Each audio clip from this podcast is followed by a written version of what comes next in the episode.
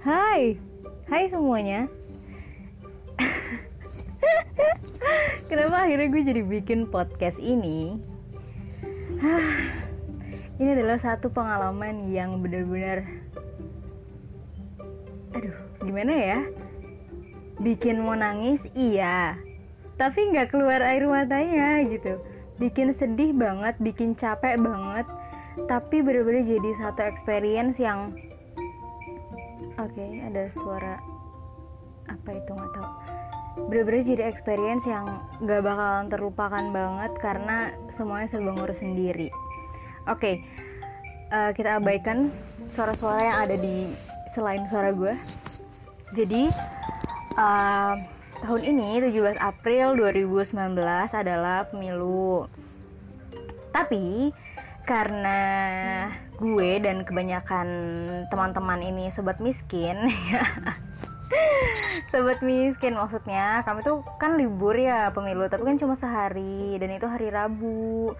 Dan Senin Selasa dan Kamisnya tuh masuk kan masuk masuk kuliah. Dan kayak itu banget gitu loh apa tanggung banget kalau misalnya harus pulang ke daerah masing-masing. Akhirnya cari-cari info lah tentang gimana caranya pindah pemilih yang harusnya di Jakarta atau misalnya harusnya di daerah tempat tinggal rumah lo yang di luar dari kota Malang atau di luar dari Jawa Timur itu bisa dialihkan dengan pemilu yang ada di sini di kota Malang dan hmm, kemudian setelah gue udah dapet infonya oke okay dah. Gue follow gue dapet informasi pertama dari instagramnya KPU Kota Malang. Gue lihat tuh pen, uh, perpindahan pemilih syaratnya fotokopi IKTP terus datang ke sana langsung tanpa diwakilkan. Udah gitu aja dan terdaftar di DPT gue udah ngecek gue di DPT ada terus gue udah nyiapin fotokopi KTP juga. Oh ya dan nih gue tinggal berangkat. Karena gue sudah mengajak teman-teman gue yang lain dan mereka tidak bisa dan gue hanya bisa hari itu. Kemudian gue ya udah lah ya gue berjalan sendiri aja nih gitu. Gue jalan sendiri. Terus jadi dari kosan gue gue ngegojek ke KPU Kota Malang di daerah Blimbing di belakangnya Hotel Atria. Ke sana ngegojek terus pas nyampe sana dengan pedenya dong ngantri kan. Gue cuma gue cuma bermodalkan fotokopi KTP gue ngeliat orang-orang lain tuh kok bawa fotokopi kakak nih. Gue rada-rada gue rada-rada curiga gimana gitu ya terus akhirnya kata mas-masnya udah cek DPT mbak. Sudah. Ya udah kan? Cuma tanya gitu doang tuh terus lanjut ngantri lagi. Terus akhirnya gue lihat dong Instagramnya KPU Kota Malang baru upload Instastory. Instastory loh ya bukan feed. Bukan feed bukan postingan. Jadi menurut gue sesuatu yang aneh untuk organisasi resmi uh, sekota Malang itu ngupload sesuatu yang penting banget itu di Insta Insta Story. Jadi yang dipublish di Insta Story itu persyaratan pindah pemilih. Syarat-syaratnya adalah fotokopi KTP, IKTP, dan fotokopi KK. Oke. Okay. Dan setelah gue nyampe dan gue ngantri dan baru gue buka itu baru diupload 5 menit yang lalu. Suasananya adalah 5 menit yang lalu gue masih di jalan. Karena sebelum berangkat tuh gue udah ngepoin Instagramnya KPU Kota Malang gitu. Itu bener-bener yang kayak aduh gimana dong? Dan gue sebelum berangkat tuh emang sebenarnya udah nyari-nyari fotokopi kat fotokopi kakak. Cuma kok nggak ada di kosan gue entah hilang entah abis atau gimana gue juga nggak paham intinya gue mungkin lupa kali ya keselip. Akhirnya gue chat orang rumah. Um, ke orang rumah minta foto kakak yang jelas. Maksudnya biar gue ngeprint aja gitu di situ karena nggak harus jelas gitu loh. Maksudnya nggak harus yang kayak uh, eh, HD banget resolusinya bagus gitu loh fotonya enggak yang penting nomornya kelihatan udah kan kayak gitu. Akhirnya gue maju lah nih duduk. Gini. Uh, masnya belum nanya apa-apa gue udah ngomong. Mas ini kan saya lihat di instastorynya KPU kok disuruh bawa fotokopi kakak ya? Gitu. Padahal di feeds di feeds di postingannya itu cuma bilang IKTP gitu. Dan ini baru diupload 5 menit yang lalu loh mas gitu. Dan hari-hari sebelumnya emang nggak ada pemberitahuan kan gue bilang kayak gitu. Terus tau gak maksud sih cuma jawab apa? Iya mbak. Rapat terakhir dari semua atasan-atasan itu diwajibin pakai fotokopi mengumpulkan fotokopi kakak. Terus dengan nada yang agak kesel gue giniin aja. Gini ya mas. Sebenarnya agak profesional kalau organisasi sebesar KPU Kota Malang itu mengupload sesuatu yang penting itu di di Instastory Instastory itu masanya hanya satu kali 24 jam setelah itu ya hilang gitu. Kecuali di highlight dan dikasih judul yang jelas. Kenapa nggak langsung aja ditambahin di feeds gitu? Menurut menurut saya tuh nggak harus pakai desain yang macam-macam gitu. Cukup menyesuaikan aja. Kayaknya di feedsnya KPU juga udah ada tribunnya gitu. Gue bilang kayak gitu. Entah masnya ngerti apa yang gue omongin atau enggak cuma hari itu pokoknya nggak boleh nggak boleh pokoknya nggak boleh nggak bawa fotokopi kakak. Oke okay. gue nungguin kabar dari orang rumah kok nggak ada respon? Ya udah deh gue pulang aja gitu. Ya udah besok aja kali. Atau uh, nanti deh gue cari dulu deh di kosan. Gue sih gue sih mikirnya kayak gitu. Akhirnya gue order gojek lagi nih order gojek lagi abis itu gojek gue dateng gue naik ke gojek diboncengin sama abang gojeknya dan baru pakai helm bokap gue ngirimin foto kakak di grup keluarga. Mantap. Gue terusnya ya Allah ya ayah tadi. At least 5 menit yang 5 menit gitu sebelum gue naik gojek. Itu kan masih bisa di cancel dulu. Maksudnya atau enggak bapaknya nungguin nungguin gue dulu gitu. Oh my god ini posisinya gue udah naik dong. Dan itu udah jalan dong gojeknya. Nggak bisa lah di cancel gimana dong? Nggak tega juga gue kalau mau cancel. Nah nggak nggak cuma sampai situ aja. Oke okay. dan gue ngeliat juga postingan di instastorynya KPU Kota Malang. Gini. Uh, jadi mereka ada Q&A gitu dan mereka bilangnya kalau um, tempat tinggal kalian lebih dekat sama kelurahan jadi langsung aja ke kelurahan dan nggak usah KPU dengan persyaratan yang sama. Jadi bawa fotokopi KK dan bawa fotokopi KTP oke okay, karena kelurahan di kantor kelurahan di kelurahan gue tuh deket banget sama kosan. Jadi ya gue mendingin ke kantor kelurahan lah nggak ngabisin duit gitu kan daripada ke KPU oke okay, akhirnya gue ke sana. Akhirnya gue ke sana. Terus pas nyampe sana. Aduh gimana ya ceritanya? Aduh sebel banget soalnya kalau diceritain. Jadi gue nyampe sana ketemu bapak-bapak. Uh, pak saya mau ini ngurus pindah pemilih. Oh alah. Iya mbak.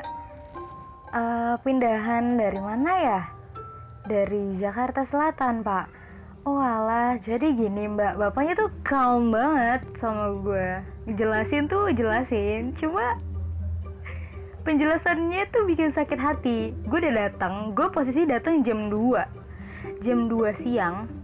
Yang harusnya kelurahan itu uh, dilayani sampai jam 4 terus gue datang jam 2 bapaknya bilang jadi gini ya mbak.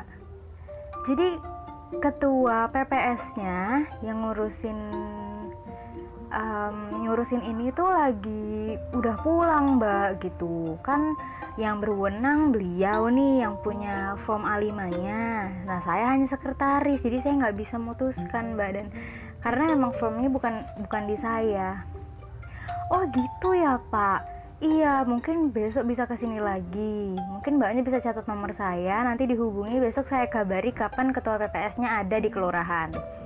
Oke, baik pak. Gue catat kan nomor bapaknya. Oke, gue santai aja tuh sampai besok.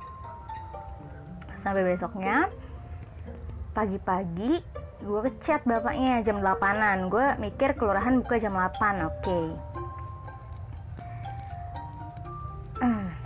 Udah tuh, gue chat pak saya yang kemarin mau ngurus perpindahan yang dari Jakarta Selatan.